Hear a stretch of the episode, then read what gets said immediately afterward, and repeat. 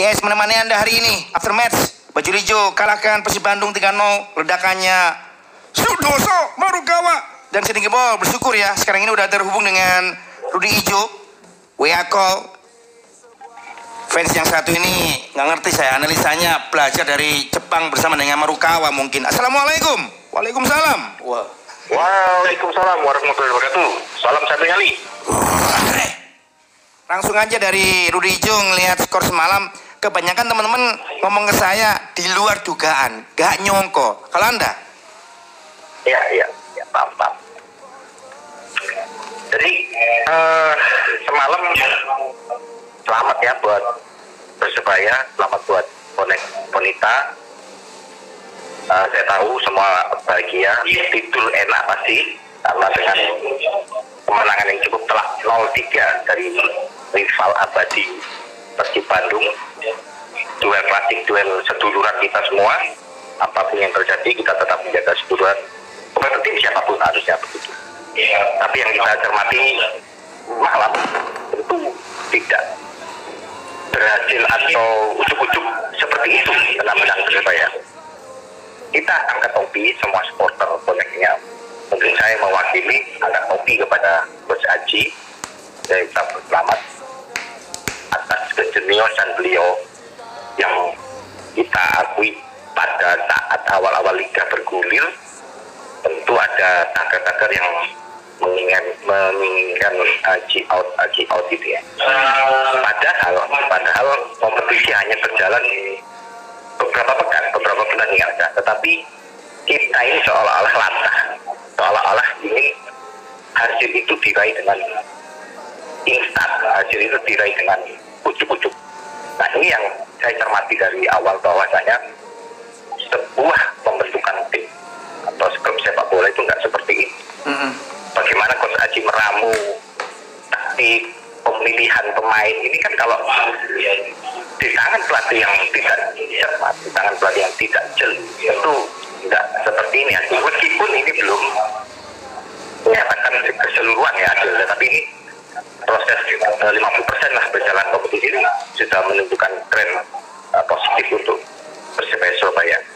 Untuk kita masih ingat uh, pada saat pekan pertama kita melawan Borneo dengan komposisi pemain yang mohon maaf ya ala kadarnya murah tapi tidak murahan dari itu. Tapi memang dibanding dengan tim-tim kontestan lain memang Persebaya seolah-olah tampil apa adanya ya tanda kutip seperti itu ya. Tampil apa adanya.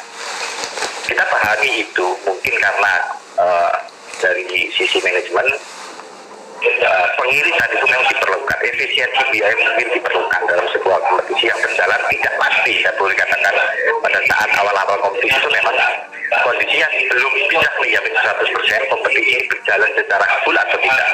Oleh karena itu manajemen terutama presiden Persebaya Pak Rasul ini memilih taktik bahwa kita memilih pemain uh, yang sesuai dengan kantong lah tetapi dan itu harus kecil pelatih untuk meracik supaya Ya. pemain, pemain ini bagus semuanya. Dari awal pertandingan kita sudah kalah tuh. 3-1 waktu itu melawan Borneo ya kan? Udah ini sudah mulai rame nih mulai ini bonek bonek Islami ya. Dan beruntung pada pertandingan kedua kita menang lawan tidak Persikabu dengan skor 3-1 kemudian yang berikutnya pertandingan ketiga kalah lagi dengan PSM 3-1 juga. Nah ini mulai rame. Apakah Aji ini bisa? Padahal komposisi pemain ya seperti itu. Nah dari sini kita mulai belajar bahwa eh, kita harus melihat sesuatu dari universal harus semua dilihat tentang apa ya iklim kompetisi yang belum sepenuhnya berjalan dengan baik kemudian eh, masih itu masih gonjang ganjing soal hukum seri 1, seri 2, seri kan nggak nggak pasti juga seperti itu. Artinya belum sepenuhnya kompetisi ini akan berjalan, tidak ada yang menjamin maksudnya, tidak dijamin kompetisi ini berjalan dengan pasti. Gitu. hmm. Nah dari sini pelatih meracik bagaimana uh, pemain-pemain itu dibentuk dari situ proses itu mulai berjalan. Uh, Persebaya dengan Mas Aji walaupun sempat kedodoran apalagi diterpa lagi uh, banyak pemain cedera. Ya kiper utama kita Satya Tama bahkan mau bermain enggak cedera. Ya ada beberapa pemanggilan pemain-pemain timnas itu. Jadi didera didera masalah. Bertubi-tubi tentang seperti ini tapi dengan sangat saja semua itu bisa diatasi. Eh baru masuk seri kedua. Jadi tim ini sudah mulai tampak bu. Sudah mulai tampak kerangka memang di seri pertama banyak kebobolan. Nah evaluasi yang dilakukan Saji tentu memperkuat dari satu tanah. Ya di situ Ali Sisi mungkin masih gugup masih demam panggung karena baru pertama bermain di tim Indonesia. Hmm. kemudian Arif Satria Adi Utama mulai ditekankan lagi bagaimana bermain bertahan yang baik kan gitu nah itu mulai dilakukan lagi ditekankan lagi Coach Aji masuk eh, seri kedua kita nyaris tanpa kekalahan. Itu hasil itu mulai tampaklah semangat ini dan meminimalkan gol yang masuk gitu.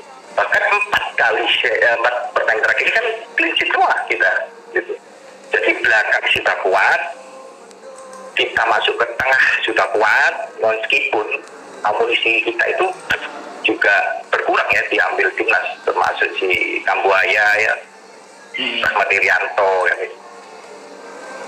Hmm. setelah berkuat di tengah depan ya kan depan memang problem utama di posisi Wilson ini memang striker ini dengan mengkoleksi 6 gol sampai dengan saat ini memang dinilai para supporter masih kurang kurang apa kurang tajam ya gitu. Overall semua itu memang harus dilakukan dengan pengamatan yang cermat tidak tidak serta-merta untuk tim itu lapang gitu ya. Ya Anda belakang kali ya lebih anti mainstream bandingkan pengamat-pengamat yang lain ketika beberapa waktu yang lalu berada di GS juga meyakinkan ke Sandy Gibol. Kalau saya bung melihat Wilson ini hanya untuk pancingan, membuka ruang, menciptakan lubang kepada rekan yang lain. Bruno, ada Iya betul saya pernah bilang Marukawa. masuk tawa ya kan. Jadi memang eh, termasuk dari pertandingan semalam kalau saya amati memang babak pertama sepertinya sepertinya ini memang di menit ini pertama agak gugup ya sebagai satu agak gugup dengan serangan-serangan yang tepat oleh Persib. Eh, tipikalnya kan seperti itu Persib. Terus aku duduk di menit pertama 10 menit sampai 15 menit kan seperti itu. Dan saya amati memang goyang ini pasti ini. Artinya apa? Dengan cuaca yang hujan deras seperti itu eh, stamina kalau tidak diatur ya itu pasti terkuras di babak kedua. Dan itu terbukti saya amati saya, saya, saya nonton baru saya ngomong udah. Ini memang taktik aji jadi supaya pemain-pemain ini membiarkan ya membiarkan uh, Persib ini berkembang dengan resiko gol. Sudah pasti saya yakin ya, resiko gol ini beruntung tidak kan itu. Kan peluangnya banyak banget itu beruntung tidak. Erlan tuh tampil cukup impresif tampil cukup bagus dan itu suatu keuntungan. Apa keuntungannya stamina tuh beruntung. Mungkin aja oke lah satu gol nggak apa-apa. Yang penting kita kuras dulu. Stamina Persib ya sempur habis apa-apa. Resiko gol oke lah nggak apa-apa dan beruntung nggak kan coba lihat mau masuk di babak kedua kedodoran Persib Bandung kita amati kalau saya amati eh, Hambali Tolik memang bermain kurang kurang shift ya mohon maaf ya Hambali. Dan saya sudah bisa menebak pasti akan diganti. Benar memasuki 10 menit babak kedua Hambali ditarik diganti Rizky Ridho di situlah di situlah permainan Persebaya berkembang. Mm-mm. seiring dengan kedodorannya stamina Persib yang dihuni pemain-pemain di atas 30 usianya menghadapi pemain-pemain usia belasan 17 tahun ada yang dua-dua sih yang artinya masih muda lah kan gitu. habis bung bener kan Mm. gol kita nanti aja sudah main kasar dia mulai mulai mulai apa acting sana sini kan gitu. jadi sudah tanpa babak kedua bentuk permainan asli persebaya dan itu sudah bisa saya tebak di babak kedua menit eh, 60 lah coba lihat benar gol itu kita tunggu aja tidak ada yang bisa ngeblok pergerakan Bruno Moreira, Marukawa lolos. Saya pastikan begitu lolos hadangan dari backnya Persib. Udah, lolos aja tuh. Tinggal tunggu. Kuipers sih ke Lemon. Defendernya Persib Bandung saya lihat Kuipers ke Lemon sudah ngos-ngosan di second half ya kena pergerakannya Bruno, bagaimana Wilson Mobile di semua lini dia membelah pertahanan Bandung. Wonder Luis saya lihat ini striker pada saat lawan Persibaya kok off day ya. Hah? Lebih bagus Pres Butuan dibandingkan Wonder Luis. Ki opo iki? Betul. Hendriana Hendriana main tadi nggak nggak bulu tapi itu mah eh, stamina, cuma kurang kurang mendukung ya ini dia kontak pentingan ya. Iya. Nah ini memang masuk taktik Aziz Sanusi. Memang kita menghadapi tim kuat Persib, bukan menghadapi tim yang semacam tim-tim lemah yang menghuni bawah itu. Jadi memang taktik harus dibutuhkan. Nggak bisa itu. Oh, kok bisa lu jomblo nggak boleh itu. Itu memang radikan. Nggak bisa sesuatu hasil tiba-tiba aja menjadi 3-0 nggak bisa. Bahkan itu kalau lebih tenang sedikit, gol yang Morera itu bisa jadi gol itu. Yang sudah melewati kiper Nasir ya, melewati Svet gitu. Udah, Ya, saingan ya, ini ya, ya. agak melebar. Dan itulah memang sebuah kompetisi. Nanti kita lihat jadwal begitu padat. Dan kita ngomong jauh hari, boom, seminggu ini bisa dua atau bahkan ada yang sampai tiga kali ini. Kalau ini nggak ada yang protes, ya ya mampus ini yang punya pemain-pemain tua ya pemain gaek-gaek ya. Ini saya lihat juga bagaimana proses gol ketiganya Marukawa. Terlihat sekali kedodoran back-backnya Persib Bandung sangat kentara ya. Kiper yang ngomong ngamuk ya. Kiper disuruh head to head meredam TC Marukawa mana bisa ini. Ini ya bolanya. Ya. Dua back kalah cepat dibandingkan Marukawa. Penyelesaian yang sangat perfecto dari Sudoso. Iya, umpan tusukan dari Marcelino kan, ya nggak bisa diantisipasi kan. Sudah habis stamina. Dan sedangkan pemain-pemain muda kita, ya sudah dilatih, sudah ditren, siap 90 menit, on fire semua. Hari Kalau iki. mau jujur bisa empat gol. Ya, Begitu. ya, ya. Ya kita harus akui Wi. laga semalam babak pertama itu bener-bener rawan kartu merah juga eh, bisa aja dikasih wasit ke pemain baju hijau beberapa nama saya lihat ya Ambali terutama.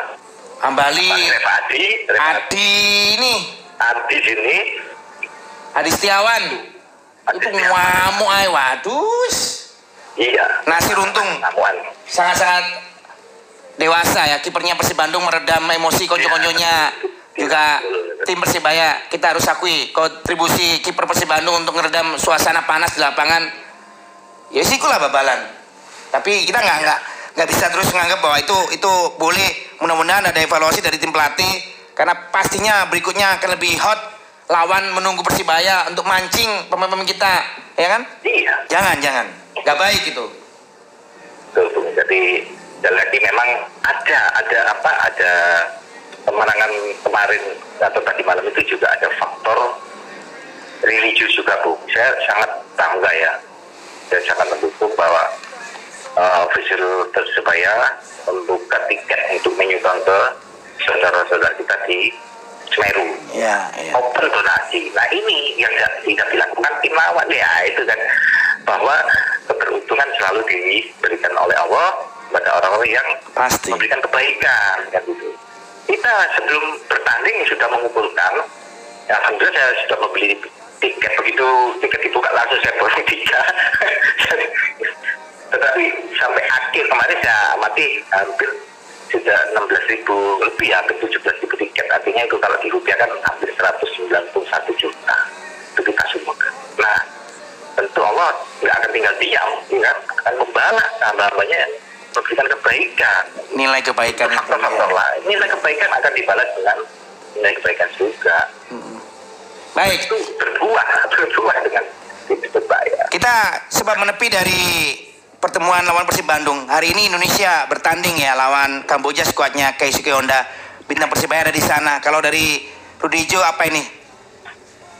Pengamatannya? Yang Kamboja, sekarang sepak bolanya juga maju. Mungkin 10 tahun lalu kita bisa membuat gol banyak ya di Kamboja, bisa 10 gol waktu itu terakhir, 9 satu. Tapi sekarang nggak nggak bisa dianggap enteng. Kalaupun saya prediksi mungkin menang tipis gitu enggak. Atau bahkan kesulitan ya kita lihat aja. 1930 kick off-nya ya Indonesia Kamboja bintang Persibaya di sana semoga dapat kepercayaan dari Sing Taeyong ada Rian terus Ya. Kambuaya Kamboja. nanti nanti kan nyusul ya Rizky Ridho sama Hernando nyusul ya di sini ya ke sana ya untuk memperkuat Kamboja kemarin lawan musuh bebuyutan Malaysia kalah 3-1. Saya nggak ngerti apakah ada perubahan signifikan dari strateginya Keisuke Honda khusus lawan Indonesia ini, Pak Rudi? iya ya memang mau nggak mau memang eh, Kamboja harus mewadahi kebangkitan Indonesia juga dilihat dari hasil berapa kali apa pertandingan Pernah 7-0, pernah 6-0 ini pertemuan Indonesia dengan Kamboja. Terakhir 2017 ya, Kamboja dikalahkan Indonesia 2-0.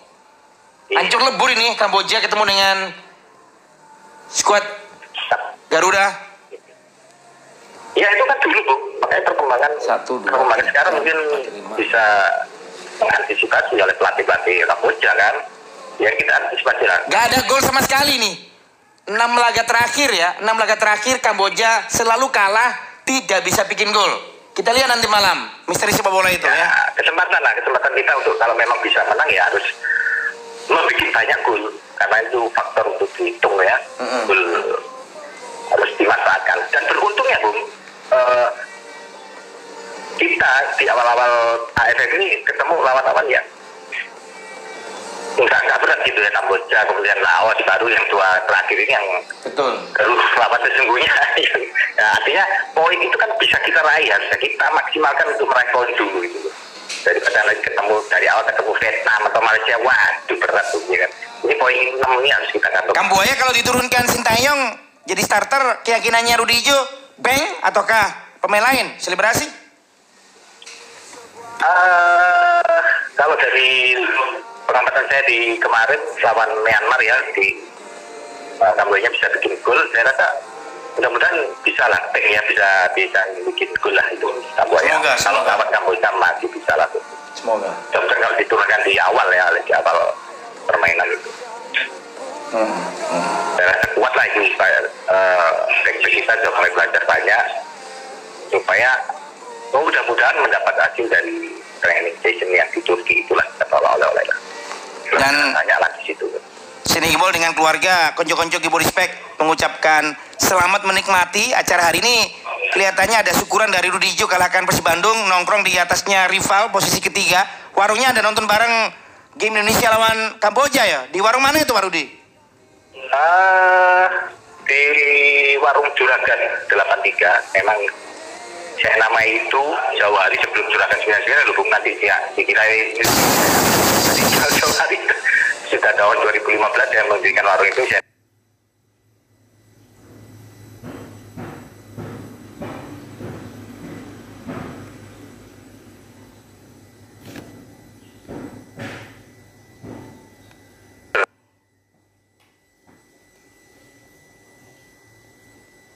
berada di Jalan Kali Kepiting nomor 83 ya. Monggo mampir setiap event sepak bola terutama persebaya dan dinas kita open untuk nobar gitu. Monggo silakan datang teman-teman di Vol. Diulangi lagi? Di warung kopi atau tepatnya kalau di Google itu kedai kopi Juragan 83 Daerah? Posisi posisinya di Jalan Kali Kepiting nomor 83 itu daerah Kalijudan ya Kalijudan itu Geceran dari situ. Monggo teman boleh Ponesa mampir. Setiap kali event persebaya atau timnas kita ada